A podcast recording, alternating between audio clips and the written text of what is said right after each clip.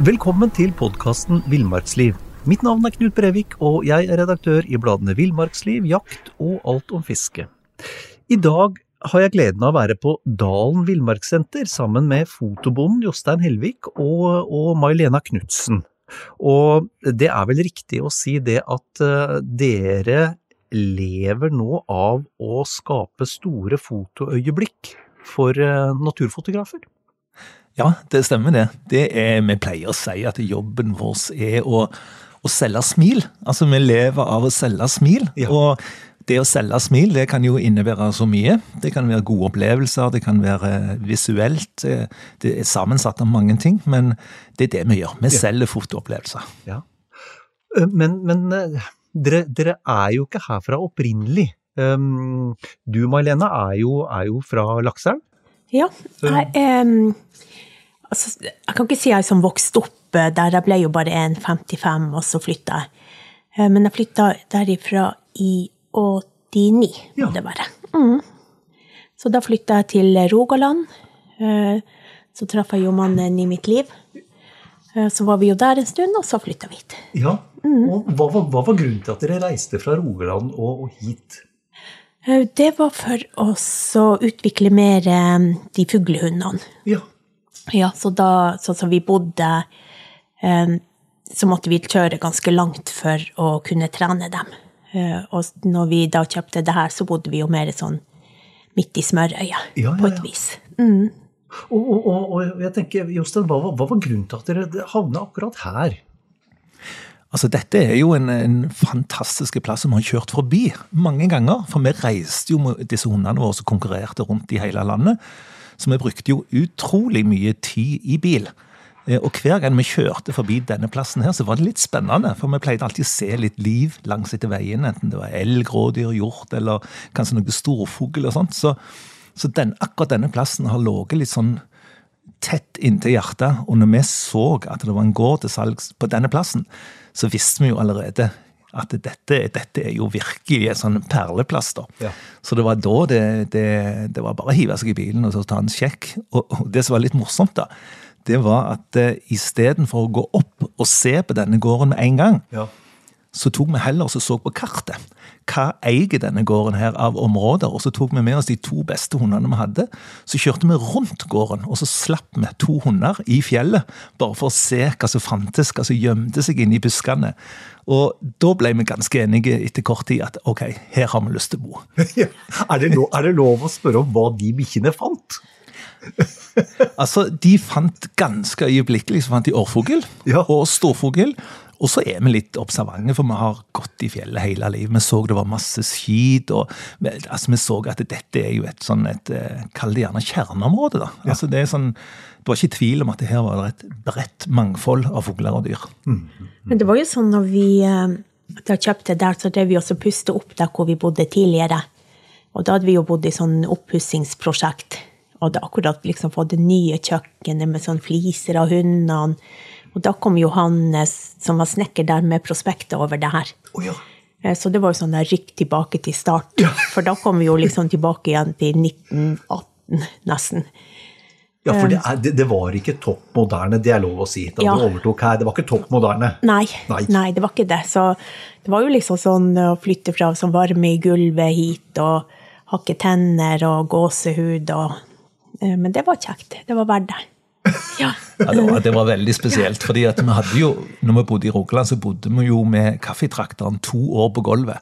For vi puste opp og reiv og snekra hele veien. Så det var akkurat når alt var ferdig, når vi virkelig skulle nyte det gode livet, da dukket denne gården opp. Så vi snudde jo ryggen til det fiksferdige huset og rygde skikkelig tilbake til start. Så jeg tror kanskje når vi flyttet inn her, så jeg tror ikke jeg overdriver hvis jeg sier at vi var vel i nærheten av å ha Norges styggeste kjøkken her. Altså Det var utrolig lite. Ja, ja, det var ikke, det var ikke noe særlig. Så, men utrolig sjarmerende. Ja.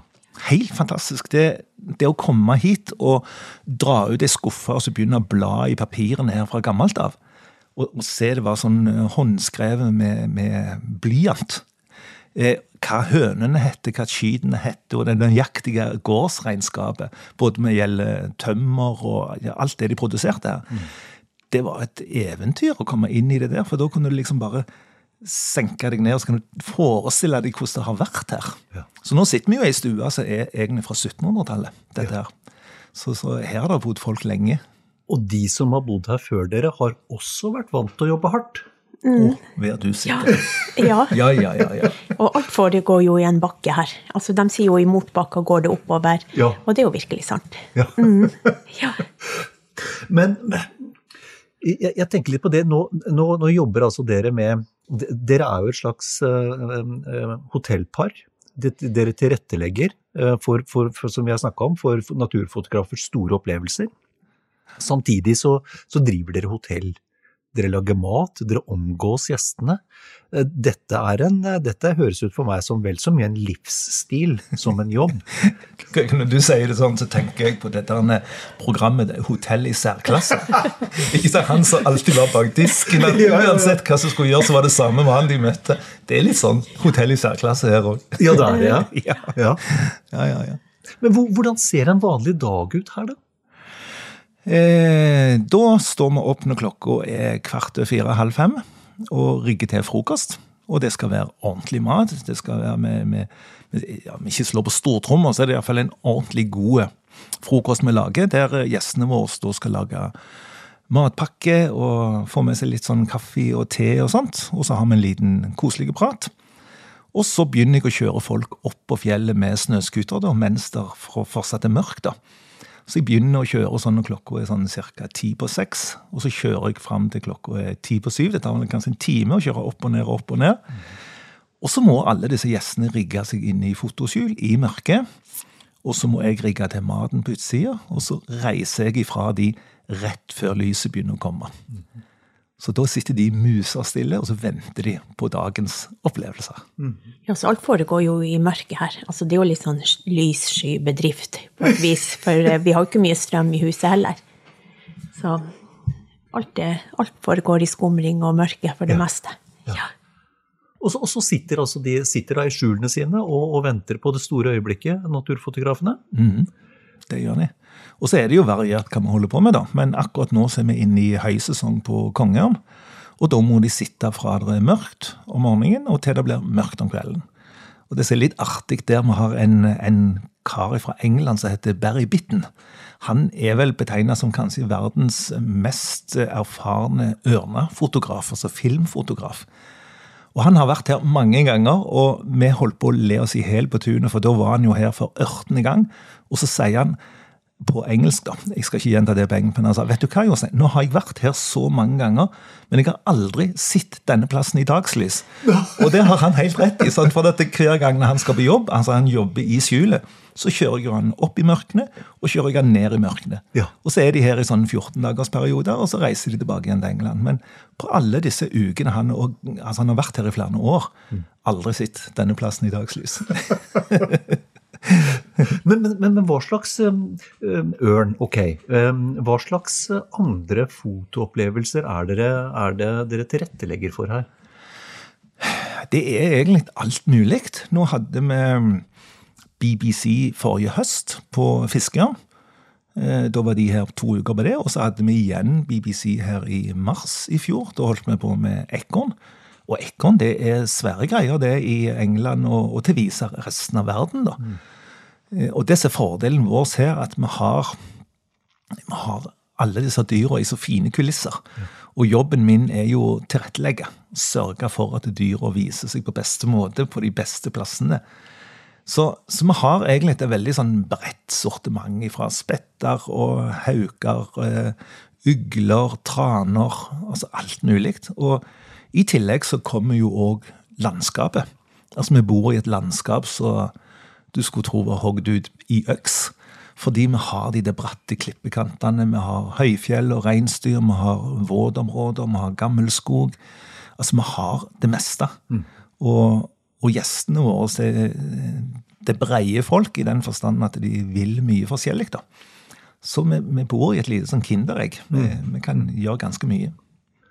Men så tenker jeg altså at det er ikke lett hele tiden, og, altså for, for det, dere forholder dere til ville dyr og natur, og det er, ikke, det er jo ikke gitt at uh, verken ville dyr eller natur samarbeider. Nei, overhodet ikke i hele tatt. Det er, det er lange tilvenningsperioder. Og så må du prøve å gjøre, gjøre, dette på en måte at fugler og dyr kommer der du ønsker, på de tidspunktene du ønsker. Mm. Og, og, da kommer jo fòring inn i bildet, da. Altså f.eks. en bever kan jeg lokke inn med friske osp, ungosp. Altså en bever som har kjempe, kjempestort vann. Mm. Og så går det kanskje en kanal ut et lite tjern. Og hvis du da tenker som en bever, så eier jo han på en måte hele dette vannet.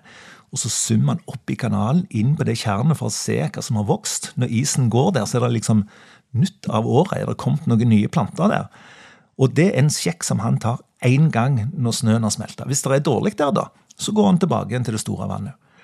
Men hvis jeg vet om det, så legger jeg klar osp til han. Så når han kommer opp den lille kanalen på dette fantastiske, flotte området, så ligger det noen hogde osper klar og venter på han. Og da plutselig finner han ut nei, jøss, her har jeg lyst til å være. Ja. Og da har jeg han. Og da kan jeg tilby det til mine gjester, og så får jeg beveren inn i det mest eksklusive området som, som er akkurat på den plassen. Da. Mm. Så det er bare ett av veldig mange eksempler. Da. Mm. mm. Men, men, så er det jo heller ikke noe Det er jo ikke noen hemmelighet at dette har det, det, det for dere å etablere seg her har innebært en del konflikter med uh, enkelte i bygda. Hvordan har du opplevd det, Marlene? Hey, I'm Ryan Reynolds. Recently, I asked Mint Mobile's legal team if big wireless companies are allowed to raise prices due to inflation. They said yes. And then when I asked if raising prices technically violates those onerous two-year contracts, they said, "What the f*** are you talking about? You insane Hollywood ass." So to recap, we're cutting the price of Mint Unlimited from $30 a month to just $15 a month. Give it a try at mintmobile.com slash switch. $45 up front for three months plus taxes and fees. Promo for new customers for limited time. Unlimited more than 40 gigabytes per month. Slows. Full terms at mintmobile.com. Uh, man merker det jo um, altså sånn, Vi har jo merka det lite grann uh, når vi liksom kommer ned og skal handle. Altså, sånn, det er jo folk som ikke vil hilse. Eh, så hadde vi jo, da når vi hadde den ridinga, f.eks., eksempel, så var det jo noen som bare sånn kjørte full fart forbi hestene og skulle skremme dem. Altså sånne ting. Eh, og det er litt sånn ubehagelig, for da blir folk plutselig så utilregnelig. Mm. Sånn at man vet liksom aldri hva som kan skje. Mm. Så det var litt sånn ja, kjipt. Hva, hva, var det, hva, var det, det hva, er det denne, hva, hva var det det bunna i? Eh, det er jo eh, siden man eh, fôrer på, eller tiltrekker seg ørn, og tilbyr det, da. Så blir jo det en trussel for de bøndene. Altså sånn, ja. Ja, altså det, det, det går i, det er når vi gjør, gir ørna mat, da, så tiltrekker vi ørnene til ett sted. Mm. Og da var det mye eh, Kall det gjerne litt eh, uvitenhet. Da. At da mente de at eh, da ble det vanvittig mye ørn på akkurat denne plassen. Eh, noe som vi avkrefta ganske fort. Ikke at vi sto fram og hadde hele vedet, men vi kontakta da fagfolk eh, og fikk det dokumentert. At det kan ikke bli mange kongeørner på én og samme plass. Det er helt umulig, fordi at de er fåtallige som følge av territoriehevding. Mm. Eh, så den, den å avvæpne den påstanden at vi tiltrakk mye ørn, at det ble veldig store sauetap, og det var ikke nødvendig for folk å leie ut jakt lenger, for det var ikke mer småvilt igjen pga. det var så mye ørn, det fikk vi jo da eh, veldig bekreftet at det ikke var tilfellet. Mm. Og da skulle en tro at dette roa seg ned. Og en del av disse fagfolka og spesialistene de sa jo òg at eh, jegere i området her kan jo egentlig være litt fornøyde med det vi gjør. Fordi at eh, en konge sin hverdag, den er jo å gå ut og få tak i et bytte. Mm. Enten det er en hare eller en orrfugl eller en storfugl eller hva det måtte være. Men når vi fôrer ørn, vi gir han mat hver dag på påkjørte rådyr og sånne ting, så er jo det en fordel for jegerne, da. Det skulle man tro. Ja. Og så det tredje oppi dette her, det er jo at det er en formidabel markedsføring av Tokke som, som, som plass, da, som kommune. Og det som var trist for meg og Malene å oppleve, det var jo at uh, istedenfor at dette da roa seg ned og ble bedre, uh, så ble det verre. Ok. Og det var det som var trist å oppleve, da, at selv om de hadde all den informasjonen som trengtes på at det ikke ble mer ørn, at det ikke var problem, så ble motstanden bare enda større. Mye større enn vi kunne forestille oss. Og den biten der var vel kanskje den styggeste baksida av denne, denne medaljen. Det, det, var trist å oppleve. Men, men hvordan, hva skjedde da? Hvordan eskalerte det? Det eskalerte på at eh, en del folk vendte oss ryggen. Eh, det kom eh, oppslag i avisa om at naturfotografene var et stort problem for sauenæringen i Tokke. Og så kom det i avisa at nå måtte vi begynne på jakt på kongeørn, for nå var det blitt så mye kongeørner etter Jostein og Malena har drevet og fort opp disse her, at det, nå måtte bestanden reguleres. Eh, og det var sånn eventyrtap for eh, lam. Og, og, så er det, det er jo ikke tilfellet. Altså, det her har det tatt seks lam på 21 år.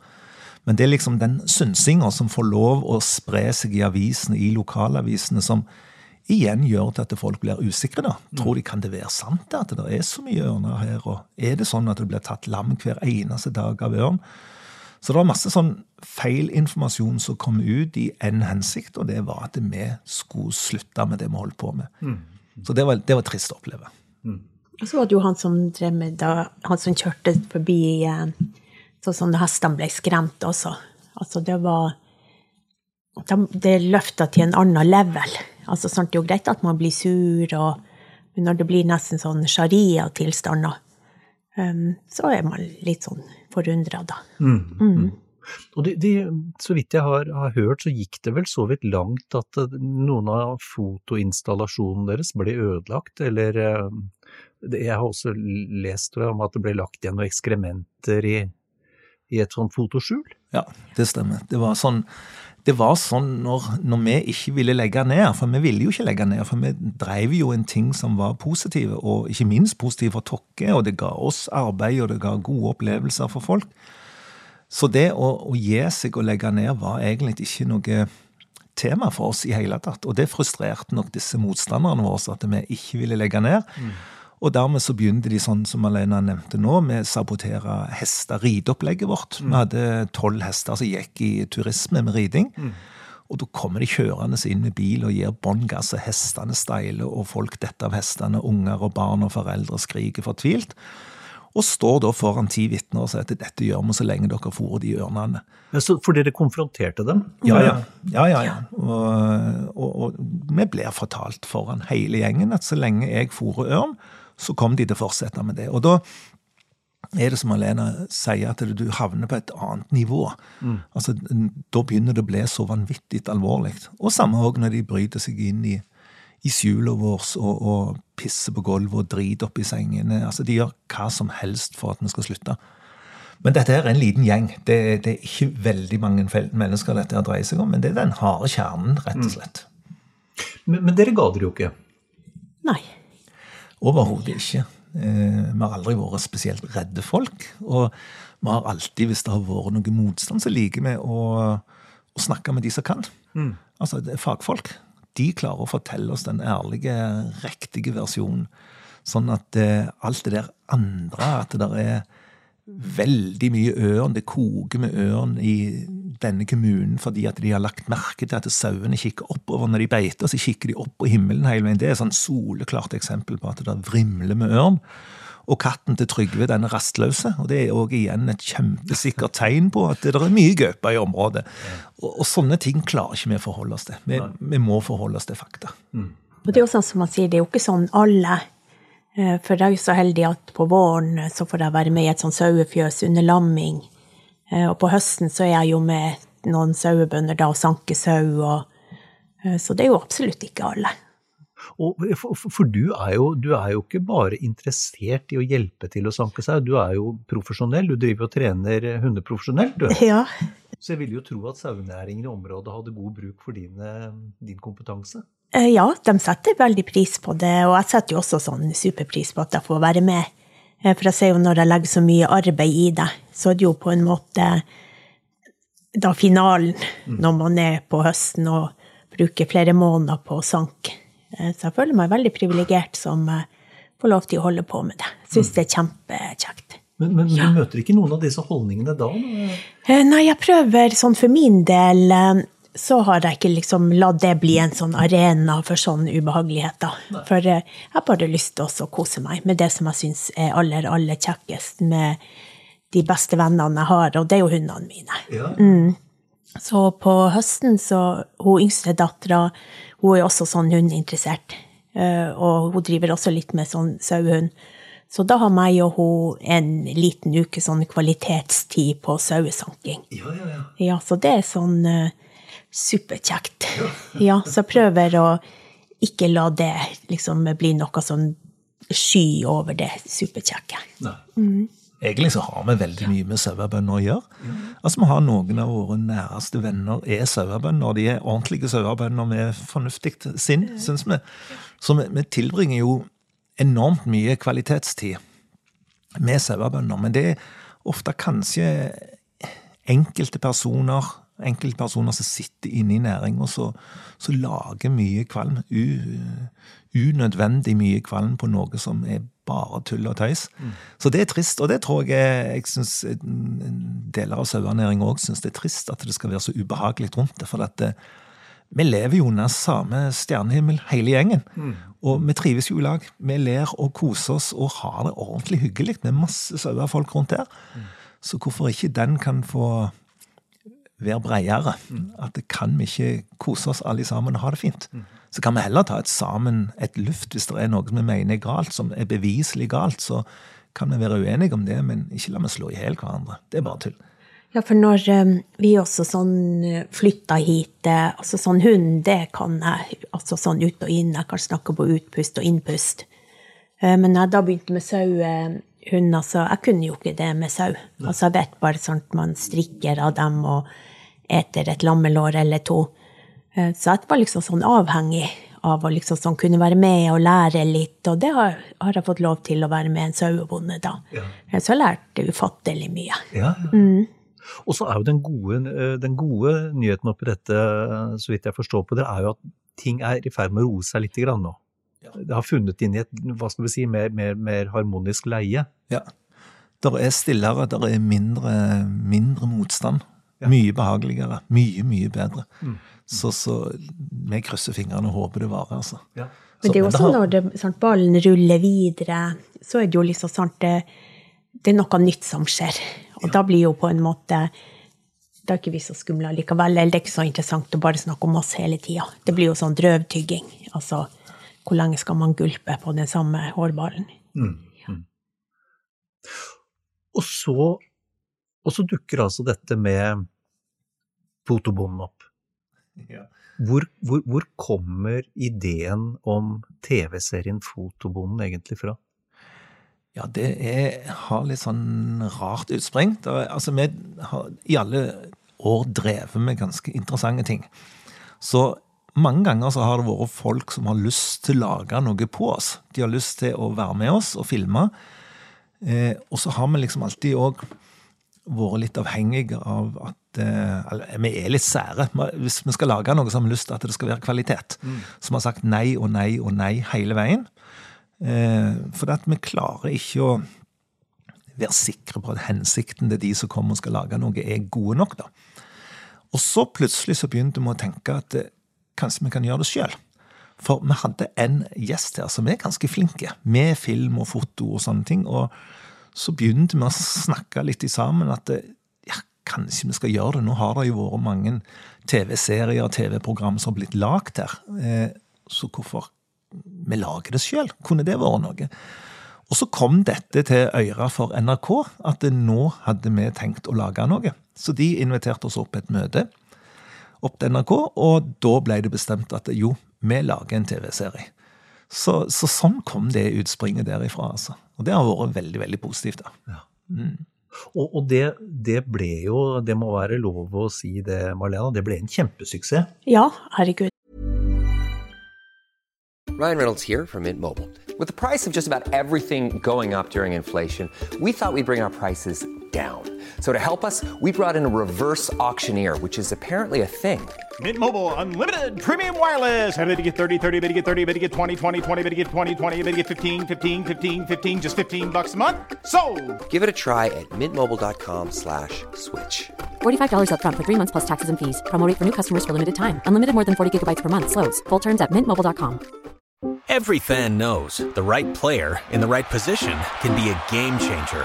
Put LifeLock between your identity and identity thieves to monitor and alert you to threats you could miss. Plus, with a US-based restoration specialist on your team, you won't have to face drained accounts, fraudulent loans, or other losses from identity theft alone. All backed by the LifeLock Million Dollar Protection Package. Change the game on identity theft. Save up to 25% your first year at LifeLock.com slash aware. Absolutt. Og så var det jo liksom bare å åpne det her fullendte kaoset og gjøre det offentlig. For det her er jo Altså, det er jo en seriøs bedrift. Det er jo ikke sånn det er pompel og pilt, eh, selv om det kan sånn oppleves som det. Så er det jo lurt, ikke bare ulurt. eh. Så det går jo på sånn cirka, men jeg føler vi klarer oss. Ja da, vi, vi, vi syns jo rett og slett det er litt morsomt sjøl, sånn som vi lever, da. For vi lever, jo, for vi lever jo rikt. Det er ikke tvil om at vi lever rikt. Altså, vi er jo omgitt natur. Vi har natur på alle kanter, og mye interessante folk. Men sånn som vi lever kanskje kontra den vanlige mannen i gata, så er det nok litt annerledes. Det er en del fjolleri og ting som skjer her som er langt utenfor en vanlig hverdag, da. Så, så det å ta folk med på det, det, det er mange som syns at, at dere vil det, ta folk inn og vise det. Men vi syns jo det er litt sjarmerende sjøl òg. Altså, hvorfor ikke brette sjela helt ut når vi først åpner døra, så vær så god, stig på. Sånn har vi det. Og de tingene som ja, Sånn som vi lever her omtrent uten strøm i stua. Vi har én stikkontakt i hele stua. Vi har parafinlamper og stearinlys. og Det er sånn vi syns er greit. Og mange av de tingene som jeg og Malena gjør, vi gjør det på en bakvendte måte. Vi kunne sikkert gjort det mye lurere. Men vi ler av oss sjøl. Vi syns det er litt morsomt, sånn som vi holder på. Så, og da, da blir det mange rare hendelser, da. Så, så egner seg for TV, rett og slett. Ja, for vi er ikke sånn Vi er ikke rike på penger, men vi er jo sånn rike på opplevelser, da.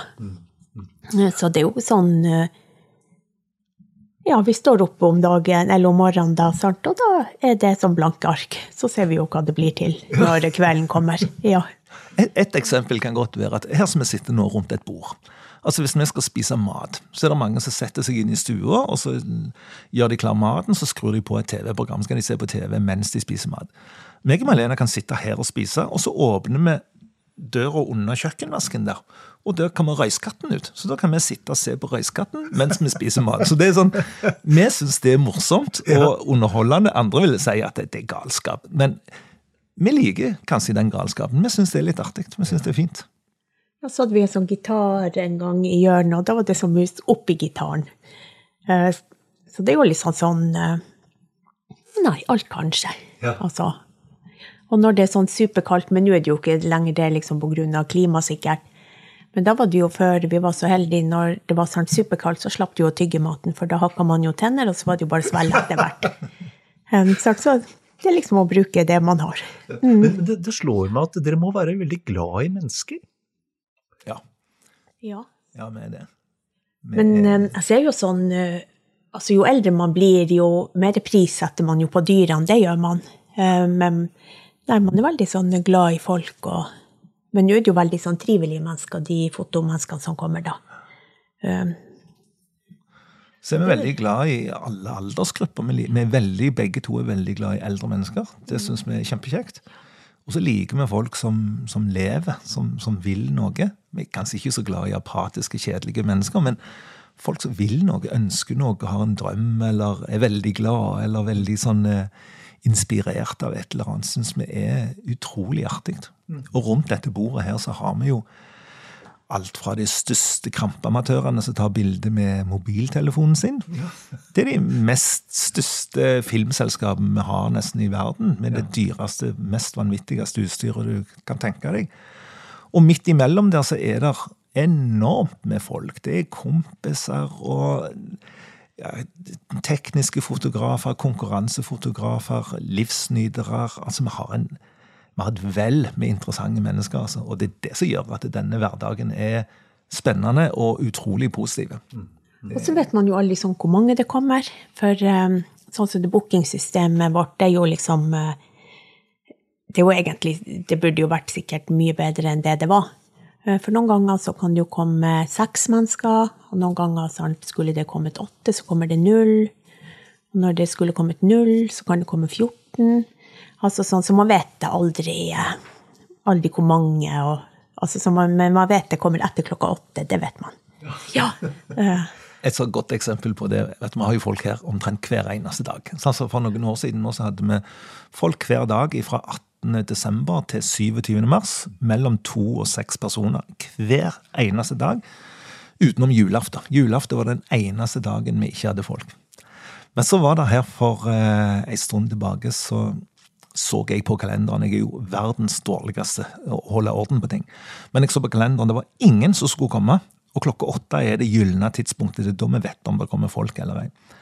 Men så sier jeg til Marlene du, vet du hva, i dag kan vi kjøpe oss ei flaske med vin, og så lager vi oss god mat, for det kommer ikke folk. Så sier hun er det sant, Jostein, kommer dere inn? Nei, det kommer ingen i dag, så det er helt, det er helt fantastisk. Ja, da gjør vi det. Så vi åpna flaska med vin og lagde god mat. og Akkurat når vi skal bite over det første kjøttstykket, da ringer klokka åtte. Ding dong, sier det da. Og der kommer det da en buss med 14 stykk som jeg hadde glemt. Så da ble det liksom stor forandring på den kvelden der fra et stille, rolig kveld til et fullstendig kaos. Så, men jeg tror ingen av de 14 visste at vi ikke visste at de kom. Det, vi er jo litt skuespillere òg Ja. oppi det hele. da.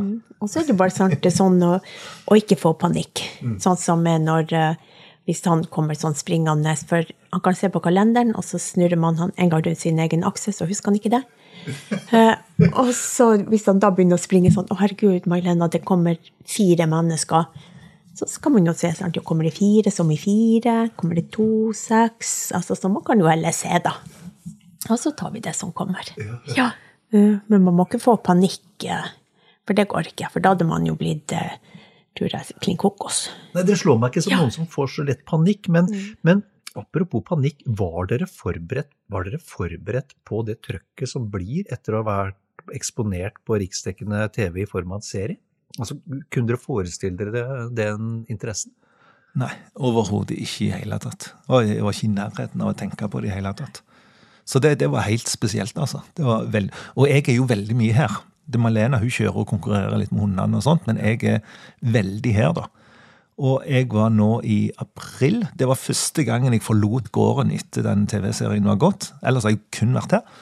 Og da var jeg i Rogaland og, og gikk på veien, og da tuta bilene. Og så skulle jeg inn på et kjøpesenter, og det kom så mye folk, så jeg ble jo helt sjokka. Så jeg ringte til Malena. Jøss, bevar meg vel, altså. Folk har jo sett oss på TV, jo. Så det, det var sånn veldig positivt og veldig artig. Ja, ja, ja. Det var små unger som ville ha selfier, og foreldre og besteforeldre. og og det varma skikkelig i hjertet, altså. Det var helt fantastisk. Og det ser jo med de gamle også på natta. Sant? Det kan jo virke kanskje som folk som slurer på kløtsjen. Og så da når de kommer inn, så er de jo plutselig deg har vi jo sett på TV! Så det er jo liksom sånn, Da har jeg vært på TV om kvelden, og så kommer de dit om natta. Mm, så det er jo litt sånn artig. Ja. For, for, for, for jeg tenker denne eksponeringa, eh, og det at dere har stilt eh, hjemmet til rådighet og vist, eh, vist på en måte tilværelsen deres, det har jo ført til en vanvittig PR for området, for dalen, for bygda. Ja, altså sånn Vi fikk jo inntrykk av sånn kanskje i starten at det, selveste dalen var en plass hvor du liksom bare stoppet og avkjølte bremsene, for når du liksom kom ned i svingete bakken, og så stoppet du bare på bensinstasjonen og liksom spiste en hamburger og drakk litt kaffe, og så når bremsene var klare igjen, så kjørte du opp på andre sida. Men jeg tror nok det er blitt eh, Det er nok satt på mer på kartet, for å si det sånn. Ja, Helt så klart. Og det, den eh, siste TV-serien som jeg lagde nå, det var nummer 14 i rekka. Altså 14 TV-serier som har blitt lagd her på bakgrunn av det vi holder på med. Så skal du sette en kroneverdi på det der, så tror jeg ikke du klarer å tenke summene engang. Altså. Men det er utvilsomt positivt, og det er jo det som er kjekt. Det er jo det som er artig, at det, vi sitter her med et stort smil og bare koser oss. Ja, Så får vi jo røynt engelsken, og, Ja. for det blir jo ikke så mye av. Så det blir jo litt sånn der rykk tilbake til start der også, liksom My name is Og så bare baller det på seg. Det er jo litt sånn spesiell engelsk, men eh, Nei, det er kjekt. Av alle de fotografene som har vært her, um, hvem, hvilken, hvem er det dere husker best, og hvilken opplevelse hadde vedkommende? Det vet du hva, det er vanskelig å si, for vi har så mange. Hvis jeg skal få lov å nevne noen som bare drypper over positivitet, så må det være noen som vi kaller for joikagjengen. Ja vel. Og det er tre personer midt i året som alle sammen har et sånn stort naturhjerte. De har godt fotoutstyr, men de er særdeles koselige. De er altså, Mikkel, Når jeg ser de, deres navn, vi kaller de kun de blir beskrevet som joikagjengen. Ja. Når joikagjengen står på kalenderen, da vet vi at nå skal vi ha det trivelig. Så de, de bare renner over av sånn positivitet. Vi ler og fjoller, og nå var de her for noen uker siden, og da løste vi jo det der Ukraina-problemet. Det var løst. Altså, vi tar alt. Klimakrisen, naturkrisen. Vi løser alltid sånne kjempestore problem. Ja. Og så samles det opp da til neste år. Og de har vært her nå to ganger i året i 13 år. Ja. Så de, de er alltid veldig spesielle. Men eh, vi har jo alle Jeg kan fortelle en person som hadde holdt på hele livet sitt for å Og han er filmfotograf. Han jobber...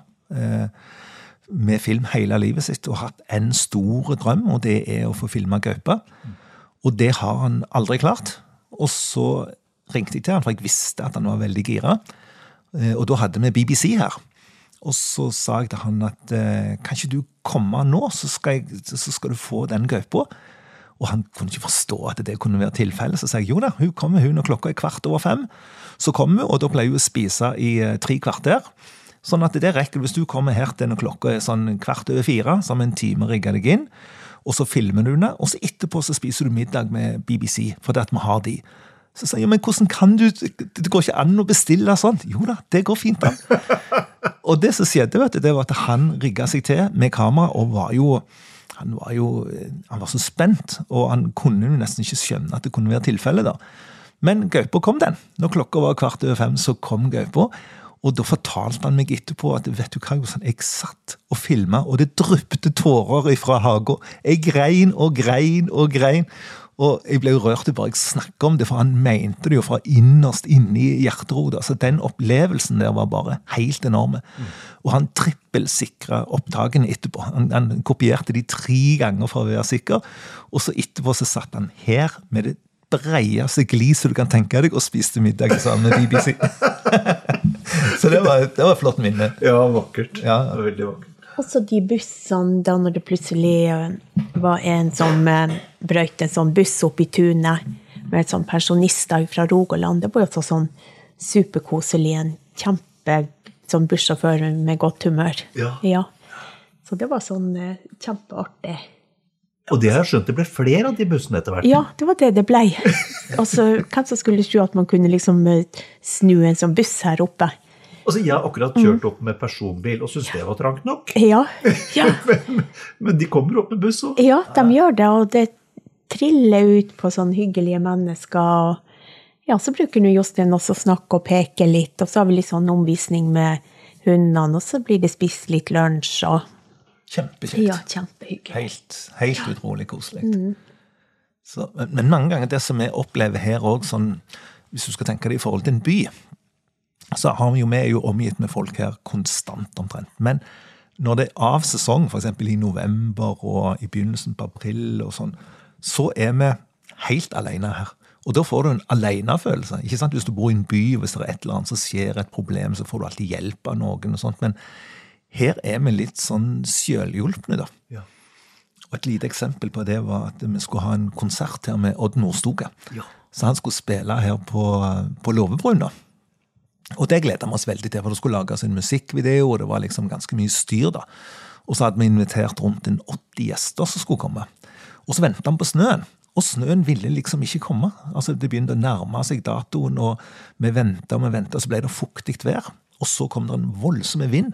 Og den blåste av altså 13 takplater på låven vår, så blåste rett av og for langt ned under jordene. Og det var et sånt tilfelle der meg og Malena er alene. Altså Snart skal vi ha den konserten, og hva i alle dager gjør vi? Og Så så vi bare borte i fjellene at det begynte å brygge seg til med snø. Og så var det det å komme oss opp og gjøre det. Og da var det kun meg og henne. Og da var det det var såpeglatt på, på låvebruna. Det var bare glasur i is. Så da måtte jeg skru fast en tofir så jeg kunne feste stien på. Og så satte jeg stien inntil taket. Men på taket var det òg glasur. Det var bare is.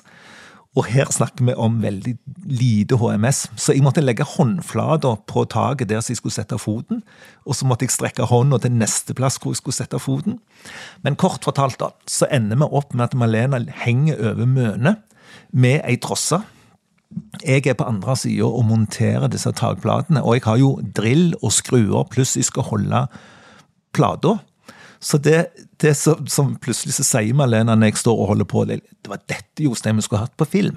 Og da så jeg på meg sjøl, så står jeg da med den tautrossa som Malena henger. Jeg hadde jo ikke armer til å holde i den, så jeg beit over den. Altså jeg holdt trossa i kjeften, så jeg beit over min egen sikkerhet mens jeg jobba med armene. Og hun hadde helt rett, det var jo sånn som skulle over på film. da, Det hadde vært veldig artig. Men dette er svak HMS? Det er svak HMS. Ja, ja, ja. Det er det. Så Men nå står jo HMS for helvetes masse styr, så det er jo det, det vi lever opp til, da. Mm. Ja, så det hender det er noen situasjoner her som er litt artige av og til. altså. Det det. Men det går liksom av i det likeste laget. Det gjør det som regel. Ja. Mm. Så når vi legger oss om kvelden, så er det bare å klippe igjen øynene og så vente på en ny dag. Og så har jeg skjønt at den dagen kan bli ganske, ganske lang fra tid til annen. altså I hvert fall i sesong så er det mer eller mindre døgnkontinuerlig Mm. Ja. drift her. Ja, det er det. Det, er, det blir lite søvn, det gjør det. Men, eh, men det er spennende. Vi jobber ute i friske luft. da. Hadde jeg vært i et kontorlokale med 25 varmegrader, så hadde det vært annerledes. Men jeg jobber ute mye på vinteren da, i kulde, snø og, og sånne ting, så det hjelper å holde meg våken, rett og slett. Så også Vi blir ikke leie heller. Jeg har ikke lyst til å bytte denne jobben med noen. Jeg synes det, jeg gleder meg allerede til neste sesong. Så det, det er jo utrolig kjekt, da. Vi er jo privilegerte som kan holde på med det vi gjør. Det er ikke tvil om det. Jeg ser jo når jeg skal på jobb noen ganger, så bruker jeg jo bare ta rattkjelken og så renne ned. Men det er jo bare sånn, for det er jo sånn, det er jo kjekt å renne. Så da kan jeg jo sånn eh, Ja, jeg trenger ikke å gå av før jeg kommer til bensinstasjonen. Nei. Og da hvis jeg sånn har det litt sånn seriøst travel, så har jeg jo bare med meg et par hunder, for da drar de meg helt bort eh, dit hvor jeg skal være. Så trenger ikke jeg gå av. Ja, for du, du har en jobb i bygda, du, i tillegg Ja, til å jobbe fullt og vel så det her.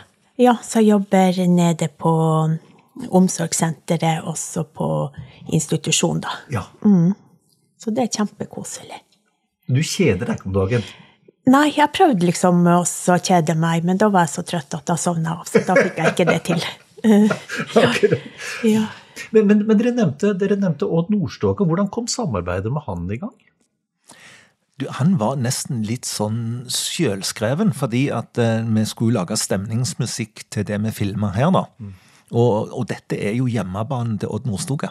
Han har gått på skole nede i dalen, og han har jo detaljkjennskap til dette her. Og han er et unikum. Det første han leverte, det var da sendte vi han et, et filmstykke der jeg gikk opp i skogen her og holdt på med en trekryper. Og så kom jeg tilbake igjen. Det var ikke, det var kanskje tre minutts eh, sekvens som han fikk se. Og da, i løpet av to dager, så leverte han syv musikkstykker til den trekryperen som skulle være stemningsmusikk med den. Og da satt vi bare her og kikket på hverandre. Hva jøss bevare meg vel? Skal vi, skal vi ligge på dette nivået? Og alle de syv var jo like fine. Så han var en sånn en eh, fantastisk type, så du bare kunne nevne hvilken stemning du skulle ha. Du kunne bare vise han stemningen, så lagde han den. Så det er mange ganger når jeg, når jeg fikk lydene tilbake igjen, og, og og, hørte hva han hadde gjort, så så jeg han for meg. Sånn, for jeg trodde jo bare han spilte munnspill og trekkspill. Men han gjør jo mye mer enn det, da. Han, han er jo et unikum av en uh, musikant. altså Helt fantastisk, altså. Så det var det beste valget vi kunne gjort, å ha han. Fantastisk. Du, jeg, jeg må spørre, du er, jo, du, er jo en, du er jo en ivrig og dyktig fotograf selv. Får du noe tid til å dyrke fotointeressen din, du?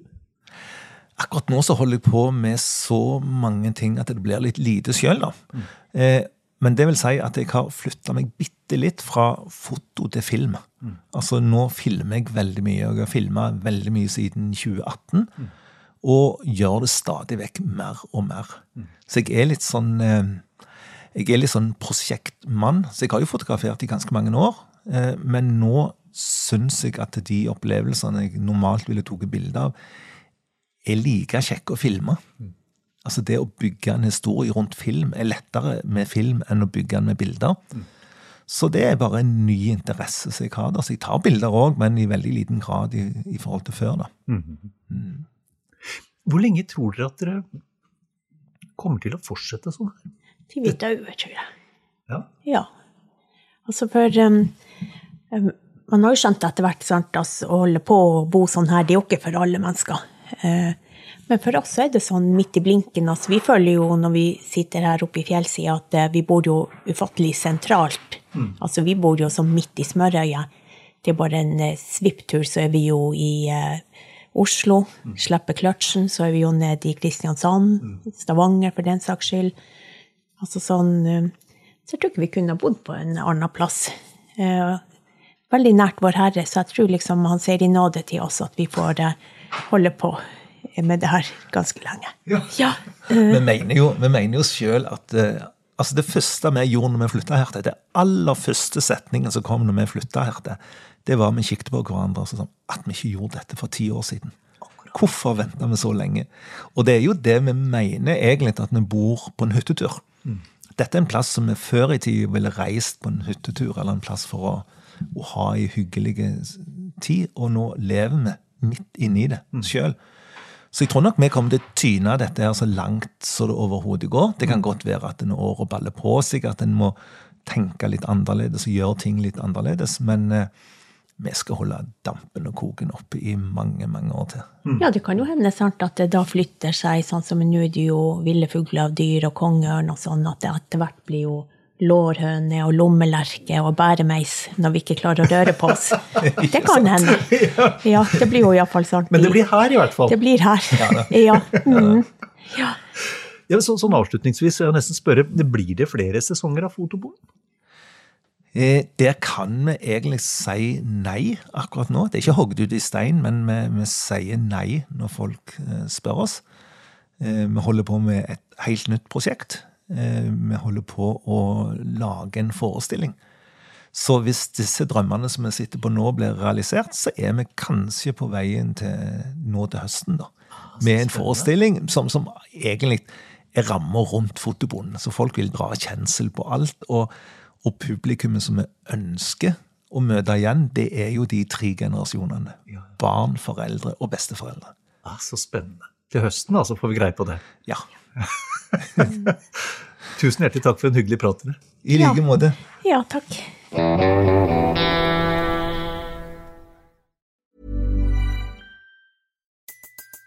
Everybody in your crew identifies as either Big Mac Burger, McNuggets, or McCrispy Sandwich. But you're the filet fish Sandwich all day. That crispy fish, that savory tartar sauce, that melty cheese, that pillowy bun. Yeah, you get it. Every time. And if you love the filet of fish, right now you can catch two of the classics you love for just $6. Limited time only. Price and participation may vary. Cannot be combined with any other offer. Single item at regular price. Ba-da-ba-ba-ba. Every fan knows the right player in the right position can be a game changer. Put LifeLock between your identity and identity thieves to monitor and alert you to threats you could miss. Plus, with a US-based restoration specialist on your team, you won't have to face drained accounts, fraudulent loans, or other losses from identity theft alone. All backed by the LifeLock Million Dollar Protection Package. Change the game on identity theft. Save up to 25% your first year at LifeLock.com slash aware.